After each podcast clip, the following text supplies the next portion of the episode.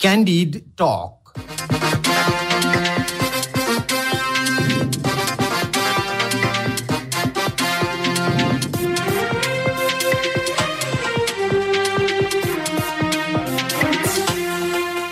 नमस्कार क्यान्डिड टकमा तपाईँलाई स्वागत छ। म धीरज बस्नेत। रेडियो क्यान्डिडको प्रस्तुति कार्यक्रम क्यान्डिड टक तपाईँले शनिबार बाहेक हरेक दिन बिहान साढे छ बजेबाट सात बजेसम्म आधा घण्टा सुन्दै आइरहनु भएको छ।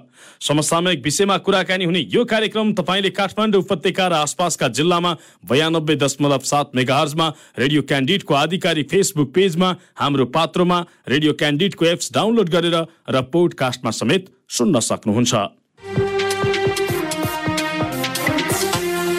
वैशाख तीसका लागि तोकिएको स्थानीय तहको निर्वाचन आउन अब अठाइस दिन मात्रै बाँकी छ। दलहरू आफ्नो तर्फबाट तयारी गरिरहेका छन् घोषणा पत्र बनाइरहेका छन् उम्मेद्वार छनौटको तयारी पनि उसै गरी भइरहेको छ। आकाङ्क्षीहरूले आफ्नो आकाङ्क्षा राख्ने क्रम जारी छ दलहरूलाई उम्मेद्वार छनौटका लागि सकस पनि परिरहेको छ। यही बीचमा एउटा सत्ता गठबन्धनमा रहेको दल जनता समाजवादी पार्टी चाहिँ के गरिरहेको छ? चुनावी तयारी कसरी अघि बढिरहेको छ? घोषणा पत्रको निर्माणको काम के भइरहेको छ? र चुनावी माहौल कस्तो पाएको छ? आज हामी यो विषयमा विशेष कुराकानी गर्दैछौँ। जनता समाजवादी पार्टीका प्रभावशाली नेता तथा पूर्व मन्त्री समेत रहनुभएका व्यक्ति राजकिशोर यादवसँग। यादवज्यू यहाँलाई स्वागत छ क्यान्डी टकमा धन्यवाद। सबैभन्दा पहिला चाहिँ तपाईँलाई नयाँ वर्षको शुभकामना एक दिन ढिलो भए पनि। यहाँ लगायत यहाँ मार्फत सम्पूर्ण श्रोताहरूमा नयाँ वर्षको धेरै धेरै शुभकामना छ। यो नयाँ वर्षले नेपाली जनताको जनजीवनमा सुख समृद्धि शान्ति ल्याओस् भन्ने कामना गर्दछु। यो वर्ष त तपाईँहरूका लागि निकै कठिन वर्ष हुनेवाला छ किनभने चुनाव तीन तहको एकैचोटि हुँदैछ। तयारी के छ जनता समाजवादी पार्टीको? अब नेता नेतृत्व र पार्टीको लागि अब निर्वाचन भनेको हामीले गरेको कामहरू जनतामा गएर त्यो एजेन्डा जनताद्वारा अनुमोदन गराउने बेला हो। त्यसैले अब लोकतन्त्रमा पार्टी नेताहरू पनि जनताको बिचमा के कस्तो गरेको छ त्यसको एक प्रकारको परीक्षा पनि हो। अर्को यो लोकतन्त्रको लागि आवधिक निर्वाचन चाहिँ अति आवश्यक हो। र यो लोकतन्त्रको आन्तरिक मजबुतीको लागि पनि यो तपाईँको सबभन्दा उपयुक्त माध्यम हो। त्यसैले हामी त जहिले पनि निर्वाचनको लागि तयार हुन्छौँ। अब अहिले स्थानीय निर्वाचनको तयारीमा हामी केन्द्रित भएका छौँ र हाम्रो चाहिँ हुन हामीले जहिले पनि सङ्गठनमा काम गर्ने भएको हुनाले मलाई लाग्छ यो हाम्रो लागि उत्साहजनक स्थिति छ। चुनावको परिणाम या चुनावको स्थिति हेर्दा हामी चाहिँ राम्रो गर्ने स्थितिमा छौँ। तयारी चाहिँ तपाईँहरूले कसरी अगाडि बढाइरहनु भएको छ? स्थानीय तहको निर्वाचनका लागि केन्द्रीय नेताहरू गाउँ गाउँ जान त तपाईँहरू गइरहनु भएको छ। माहौल कस्तो पाइरहनु भएको छ? तयारी कस्तो भइराखेको छ? निश्चित रूपमा यहाँले भने जस्तै अहिले हामी गाउँ टोल भनौँ न क्ष- क्षेत्रहरूमा नेतृत्वहरू गइरहेको जनतासँग अन्तर्क्रिया गरिरहेको छलफल गरिरहेको आफ्नो आन्तरिक सङ्गठनलाई अझै मजबुत गरिरहेको र त्यहाँबाट हामी आफ्नोमा कस्तोलाई उम्मेदवार बनाउने भनेर अहिले एउटा निर्देशिका तयार गरेका छौँ। वार्ड स्तरको उम्मेदवार छान्नको लागि वार्ड कमिटीले तपाईँको पालिकाहरूमा पठाउनेछ र पालिकाहरूबाट सहमतिको आधारमा टुङ्ग्याउने भन्ने कुरा भएको छ। त्यहाँ टुङ्गिएन भने जिल्लामा गएर जिल्लाले टुङ्ग्याउने हो। पालिकाहरूको पालिका कमिटीले तपाईँको सम्बन्धित पालिकाका उम्मेदवारहरूको नाम सिफारिस गर्छ। त्यसलाई जिल्ला समितिले सहमति गराउने प्रयास गरेर भएन भने प्रदेशमा पठाउने भन्ने कुरा भएको छ। त्यसैले अहिले एउटा त्यो भएको छ। अर्को पालिकाहरूको स्थानीय जनताहरूको माग के हो? अहिलेको अवस्थामा के गर्दा हुन् त्यहाँ चाहिँ जनतालाई एक प्रकारको राहत एक प्रकारको तिनीहरूको आवश्यकता पुरा हुन्छ भनेर। हामीले आफ्नो टोलीहरू बनाएर त्यहाँ पठाएका छौँ। त्यहाँका जनताहरूको डिमान्डहरूलाई बुझेर त्यही अनुसारको भनौँ न घोषणा पत्रमा राख्ने कुराहरू भएको छ। अनि यहाँ घोषणा पत्रदेखि लिएर हाम्रो प्रचार प्रचारको सामग्री तयार गर्नको लागि केन्द्रमा हामीले विभिन्न नेताहरूको नेतृत्वमा छुट्टा छुट्टै टोलीहरू पठाएका छौँ। त्यसैले अहिले सम्पूर्ण हाम्रो ध्यान केन्द्रित भनेको आफ्नो सङ्गठनको आन्तरिक जुन छ व्यवस्थापन त्यसलाई मजबुत गर्ने हो र त्यसपछि उम्मेदवार छनौटमा हामी केन्द्रित भएका छौँ। तर तपाईँहरूलाई यसपटक गठबन्धन गर्नुपर्ने जुन खालको बाध्यता छ नि त्यसले गर्दाखेरि तपाईँहरूलाई उम्मेद्वार छनौट त निकै सकस होला नि त उम्मेद्वार छनौट गर्न त आकाङ्क्षी धेरै छन्। तपाईँहरूका ठाउँमा पनि फेरि भागभन्डा गर्नुपर्दो हो।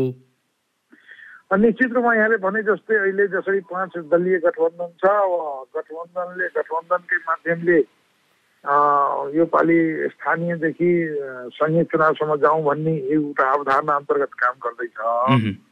अब अहिले चाहिँ नीतिगत निर्णयहरू महानगरपालिका होइन उप महानगरपालिकाहरूको सम्बन्धमा एउटा यहाँ केन्द्रबाट निर्णय गरेर जाने एउटा स्थिति बन्ला जहाँसम्म पालिका र गाउँपालिकाहरूको कुरा छ मलाई लाग्छ त्यो चाहिँ अब यहाँबाट एउटा कस्तो कस्तोलाई उम्मेदवार बनाउने त्यसको क्राइटेरियाहरूसम्म छलफल भइरहेको छ।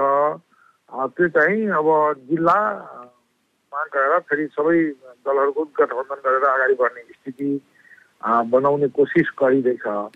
तथापि यो स्थानीय चुनाव भएको हुनाले अब सबै पार्टीका नेताहरूले विगत पाँच वर्षदेखि मेहनत गरेको र सबैले।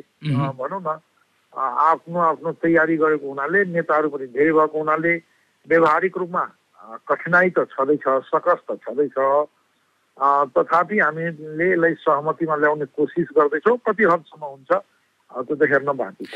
जनता समाजवादी पार्टीले महानगर र उपमहानगरमा कति सिट वा भनौँ कति स्थानमा प्रमुखका लागि दावी गरेको छ? अब अहिले यसो महानगरमा हेर्दा हामीले होइन वीरगञ्ज जितेका छौँ। अब जितेको तपाईँहरूको मेयर नै एमाले जितेको गइदिइहाल्नु हुनाले भयो स्व- जितेको हुनाले स्वाभाविक त्यहाँ हाम्रो हक लागिहाल्छ। अनि त्यो बाहेक हामीले विराटनगरमा हाम्रो सङ्गठनको अवस्था र विगतमा पनि जसरी त्यहाँको परिणाम आयो त्यसमा हाम्रो चाहिँ भनौँ न प्राविधिक कारणले मात्रै हामी पराजित भएको होइन भने हामी जित्थ्यौँ। हाम्रो अब तपाईँको आठ हजार मात्रै बद्दर अ, जुन भयो त्यसमा पनि औँठा छाप लगाउने जुन काम भयो यसको हामीले अब यस्तो किन भयौँ सोधखोज गर्दा अब त्यति बेला हामीले जसरी मतदाताहरूलाई निर्वाचन विधि प्रक्रियाहरूको बारेमा। मतदान दिन तयार हुने तर त्यो मतदान गर्ने विधि प्रक्रियाको बारेमा सम्झाउन चाहिँ नसकेको ठहर सहित रहेको छ। त्यसैले विराटनगरमा पनि हाम्रो सङ्गठनको अवस्था एकदमै मजबुत रहेको र यो बिचमा जुन कामहरू भएको छ त्यसले गर्दा झनै लोकप्रिय भएको हुनाले विराटनगर र वीरगञ्जमा हाम्रो दावा रहन्छ। तर विराटनगर त कङ्ग्रेसले जितेको हिसाबले तपाईँहरूलाई कहाँ देला र जसले जित्यो त्यो त आफूले लिने भन्ने छ क्यारे तपाईँहरू बिच सहमति। होइन त्यो त ठिक छ। अब दावा गर्न त पाइयो नि। मह्म। अब त्यो समय उपमहानगरमा चाहिँ के छ यहाँहरूको अवस्था? उपमहानगरमा? उपमहानगरपालिकामा हामी जनकपुर जितिरहेका छौँ। जितेका छौँ। अब अहिले जनकपुरमा अब जितेको जुन फर्मुला बनाएको छ त्यो जितेको आधारमा जनकपुर त अब स्वतः भइगयो। त्यहाँ सङ्गठनको अवस्था अहिले पार्टीको त्यहाँको जुन प्रकारको क्रियाकलापहरू छ। त्यहाँ भइगयो होइन? अब त्यस पछि चाहिँ अब कसरी यसलाई भागभन्डा गर्ने हो? त्यो आधारमा पनि हामी फेरि अगाडि बढ्छौँ। तर तपाईँहरूलाई खास गरी मधेसमा तपाईँहरूको पकड राम्रै थियो क्यारे। तर तपाईँहरूलाई पनि यो पाँच दलीय गठबन्धनको टेको नलाइकन चुनाव लड्ने आँट नआएको कि यो बाध्यता हो तपाईँहरूका लागि गठबन्धन? होइन अहिले जुन प्रकारको राष्ट्रिय स्तरमै गठबन्धन गरेर जाने कुरा भएको छ त्यो अब हामी गठबन्धनमै भएको हुनाले त्यसलाई मानेर जानुपर्ने। या राष्ट्रिय राजनीतिमा अहिले पनि गठबन्धनको आवश्यकता महसुस गरेर त्यो गठबन्धन निर्माण गरेको हो हामी चाहिँ स्थानीय निर्वाचनमा त अब इमान्दारी कुरा गर्दा त यो हाम्रो लागि बाध्यता होइन यदि निर्वाचन प्रयोजनको कुरा मात्रै गर्ने हो भने। हामी त सिङ्गल गएको भए बढी फाइदा हुन्थ्यो जस्तो लाग्छ होइन? त्यसमा पनि मध्य प्रदेशमा हामी बलियो उपस्थिति रहेको स्थिति छ। त्यहाँ त हाम्रै पार्टीभित्र पनि एउटै पालिकामा चारजना पाँचजना सबल उम्मेदवारहरू भएको हुनाले। अब त्यहाँ कसरी उ गर्ने एउटा हामीलाई आफै सकस भइरहेछ। तथापि कहिलेकाहीँ के हुन्छ भने ठुलो उद्देश्यका लागि सानो सानो कुराहरू त्याग्नु पर्ने जुन प्रकारको बाध्यात्मक स्थिति हुन्छ मलाई लाग्छ अहिले अब देशव्यापी नै गठबन्धन बनाएर गयो भने एउटा परिस्थिति बन्छ। हामीले त प्रदेश वाइज पनि गरौँसम्म भनेका छौँ। त्यो भएन भने जिल्ला वाइज गरौँ पनि प्रस्ताव गरेका छौँ। किनभने धेरै केन्द्रैबाट अब यो स्थानीय चुनाव भएको हुनाले तपाईँको हामीले केन्द्रबाट एउटा रणनीति तयार गरौँला। अब त्यहाँ लोकल लेभलमै इभन काङ्ग्रेसमै धेरै जिल्ला बसेर होइन हाम्रो गठबन्धनको आवश्यकता छैन अब सिङ्गल लड्छौँ। त्यो भयो भने पनि कम्तीमा गठबन्धनभित्रै दलहरूले स्वस्थ प्रतिस्पर्धा गरोस्। कम्तीमा त्यहाँ जनताको बिचमा के काम गरेको छ होइन? एउटा हेल्दी प्रतिस्पर्धा हुनु पनि लोकतन्त्रमा राम्रै हुन्छ भन्नेसम्म पनि हामी भनेका छौँ। त्यसैले यो हाम्रो लागि बाध्यता होइन। हामी त एक्लै जान पनि जुन प्रकारको यो बिचमा हामीले काम गरेका छौँ। त्यो हिसाबमा एक्लै जान पनि हामीलाई भनौँ न फाइदै होला त्यो घाटा हुँदैन। तथापि राष्ट्रिय आवश्यकता बोध गरेर जसरी गठबन्धन अगाडि बढ्न खोज्दैछ त्यसमा हामी गठबन्धनकै घटक भएको हुनाले त्यसमा साथ दिनुपर्ने हाम्रो दायित्व कर्तव्य भएको हुनाले त्यो भन्दा पनि भोलि प्रतिनिधि सभाको चुनावमा प्रदेश सभाको चुनावमा तपाईँहरूलाई काहीँ खस्किन्छ कि लडिन्छ कि भन्ने डरले अहिलेदेखि भर्ती गरिरहनु परेको हो कि? अब यो निर्वाचन मलाई लाग्छ त्योभन्दा पनि अहिलेको राष्ट्रिय आवश्यकतालाई सम्बोधन गर्नको लागि हामीले यो कार्य अगाडि बढाएका होइन गठबन्धन त तपाईँहरूबिच एउटा निश्चित एजेन्डामा सहमति भयो गठबन्धन गर्नुभयो सरकार बनाउनु भयो त्यो एउटा पार्ट भयो। तर चुनावमा सबै दल मिलेर एउटै चाहिँ तपाईँको चुनावमा एउटै पार्टी जसरी लड्नु त यो त स्वाभाविक होइन नि त फेरि। किनभने पाँचजना परीक्षार्थी मिलेर एउटै चाहिँ परीक्षा दिए जस्तो यो त्यस्तो हुँदैन र भने यसरी तपाईँहरू चुनाव लड्दाखेरि? यहाँले भनेको मलाई लाग्छ यो सैद्धान्तिक सवालमा ठिक हो होइन? जस्तो तपाईँहरूले गरेको कामका विषयमा जनताले त जनता समाजवादी पार्टीले के गर्यो भनेर मूल्याङ्कन गर्न पाउनु पर्यो नि त? पाँच दलीय गठबन्धनले होइन नि। एकदम एकदम यो चाहिँ ठिक हो। तर अब अहिले जसरी भनौँ न धावा बोल्ने काम भयो विधि प्रक्रियालाई मिच्ने काम भयो त्यसैले अब निश्चित उद्देश्यका साथ यो गठबन्धन बनाइयो। अब एउटा विशेष परिस्थिति निर्माण हुन गयो र त्यो परिस्थितिलाई सामना गर्नको लागि यो गठबन्धन निर्माण भएको हो। त्यसैले त्यो परिस्थितिलाई अझै त्यो खरको टरिसकेको न नभएको हुनाले नटरिसकेको हुनाले अब चाहिँ मिलेर जाउँ। अहिले चाहिँ हामी स्थानीयदेखि सङ्घसम्म नै गठबन्धन गरेर निर्वाचनमा जाँदा एउटा अनुकूल परिस्थिति निर्माण हुन्छ र त्यसमा लोकतन्त्रदेखि नेपालको आन्तरिक राष्ट्रियतादेखि नेपालका सबै विधि प्रक्रिया या संविधानको अहिले हामी कानुनको सवालमा पनि अगाडि बढ्न सजिलो हुन्छ भन्ने बोध बुझाइ एउटा तहमा छ। तथापि यहाँले भने जस्तै अब लोकतन्त्रमा पार्टीहरूको आफ्ना निश्चित एजेन्डाहरू विगत गरेको कामहरू जनतामा लगेर त्यही आधारमा निर्वाचनमा जनताले तपाईँको मूल्याङ्कन गर्ने हो। मलाई लाग्छ अब त्यो पनि धेरै हदसम्म प्र्याक्टिस हुन्छ होला। यो बिचमा के के काम गर्यो जनतालाई मतदान गर्ने। अब आम यो स्थानीय चुनावमा कति हदसम्म गठबन्धन हुन्छ? अब त्यो त अब हेर्न बाँकी नै छ। तथापि प्रयास चाहिँ भइरहेको छ।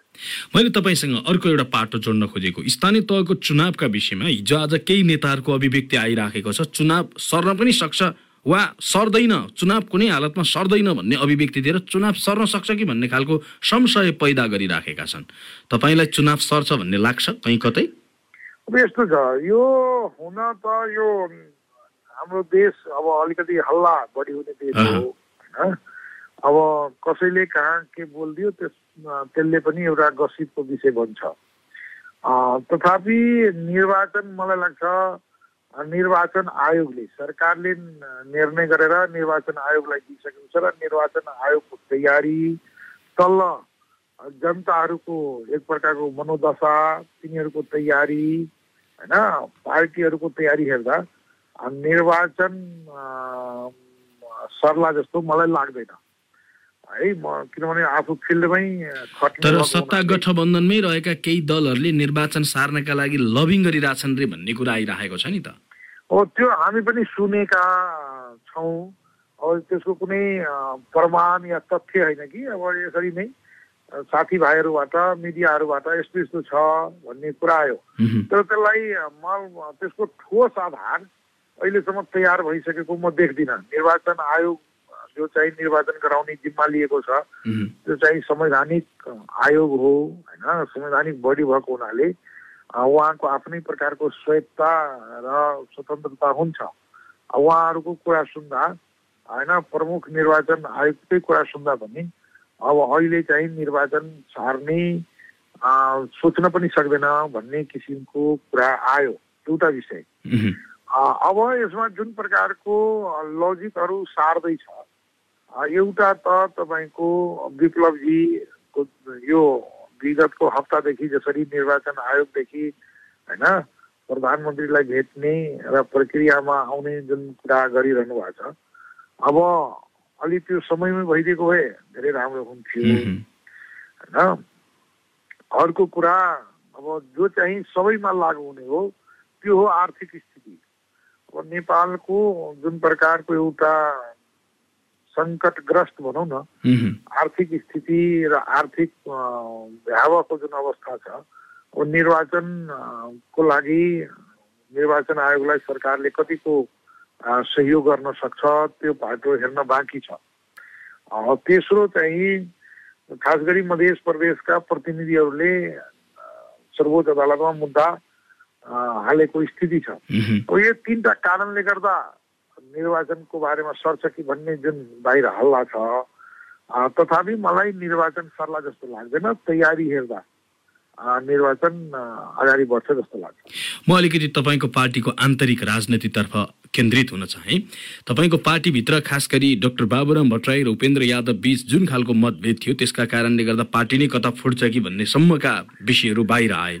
अहिले पार्टीको आन्तरिक राजनीति सबै ठिकठाक छ सबै मिलेको छ कि त्यसको कारणले तल्लो तहसम्म तपाईँहरू जस्तो जो गाउँ गाउँ हिँडिरहनु भएको छ त्यसले सङ्गठन विस्तारमा कुनै सकस उत्पन्न गरेको छ?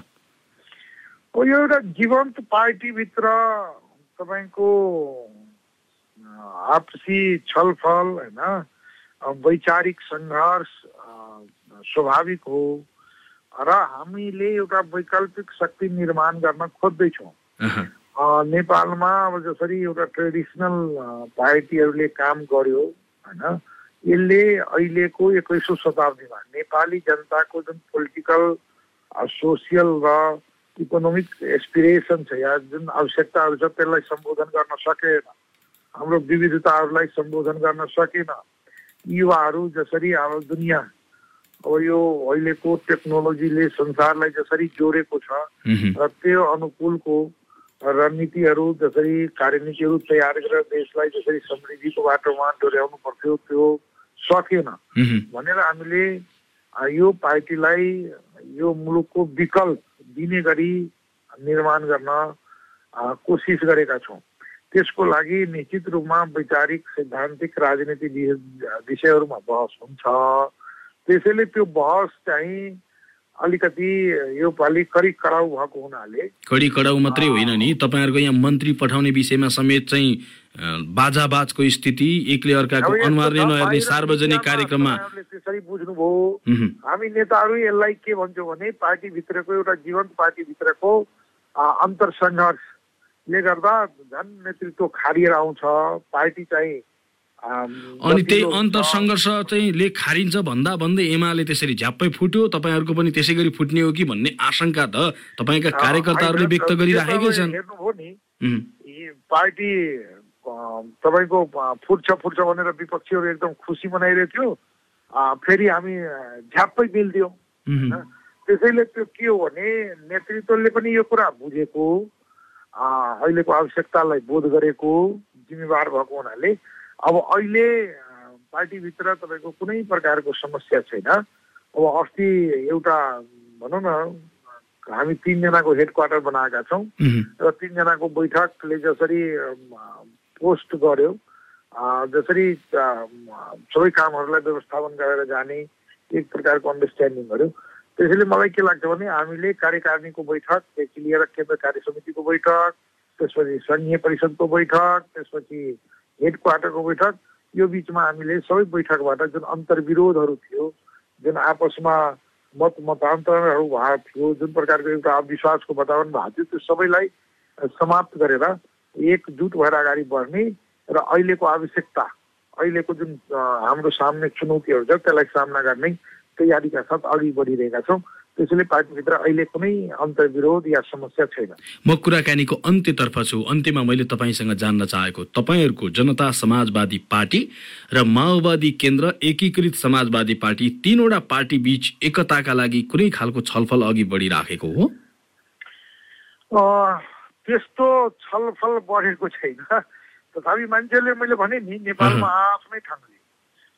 तपाईँको चर्चाको विषय बनाउने गरेछ अहिलेसम्म त्यस्तो कुनै विषय पढेको छैन। म त्यो सम्भावना पनि देख्दिनँ। तर तपाईँका नेताहरू त भित्रभित्रै भेटघाट गर्ने अलि बाक्लो भेटघाट गर्ने यदि कङ्ग्रेससँग यो गठबन्धन नभएको भएदेखि तिनवटा दल मात्र मिलेर भए पनि चुनाव लड्ने भन्ने खालको तयारी प्रचण्डले नै यो खालको प्रस्ताव गर्नुभयो भन्नेसम्मका कुराहरू बाहिर आइराखेका थिए। त्यो यस्तो छ। पार्टीहरू वास्तवमा त्यो आवश्यकता हेरेर कहिले मोर्चाबन्दी कहिले गठबन्धन कहिले तालमेल होइन? ध्रुवीकरण एकता भनेको यो स्वाभाविक प्रक्रियाभित्रहरूको चरणहरू हो। त्यसैले तपाईँले भने जस्तै अब सबै बिचमा भएन भने हाम्रो बिचमा हुन्छ कि भनेर प्रयास भएकै हो कोसिस भएकै हो चर्चा भएकै हो। तर त्यो भनेको चुनावी तालमेल हो। त्यो भनेको मोर्चाबन्दी एक प्रकारको भनौँ न मोर्चाबन्दीको लागि हो। पार्टी एकीकरणसम्मकै तपाईँको अहिले सोच एक प्रकारको चिन्तन त्यो आवश्यकता महसुस गरिसकेको छैन किनभने अब मैले भने नि पार्टी एकीकरणको लागि सबभन्दा पहिले त वैचारिक सैद्धान्तिक राजनीति विषयहरू मिल्नुपर्छ।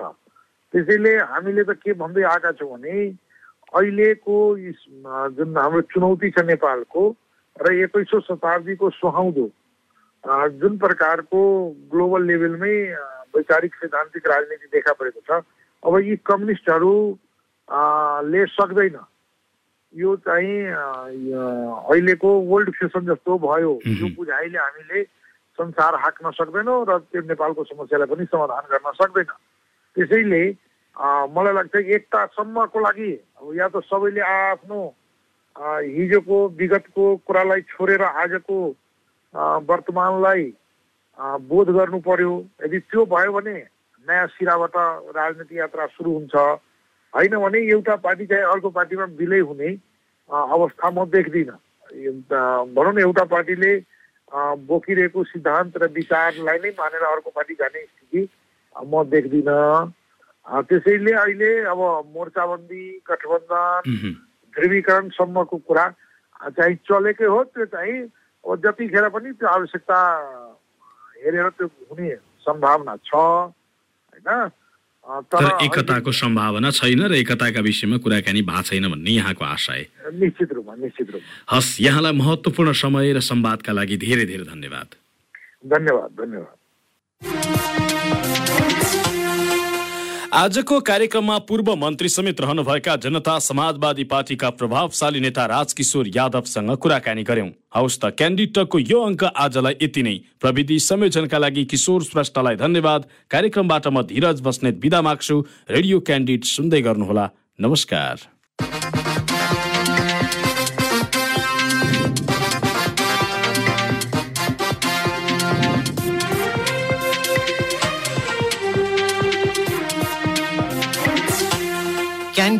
Talk.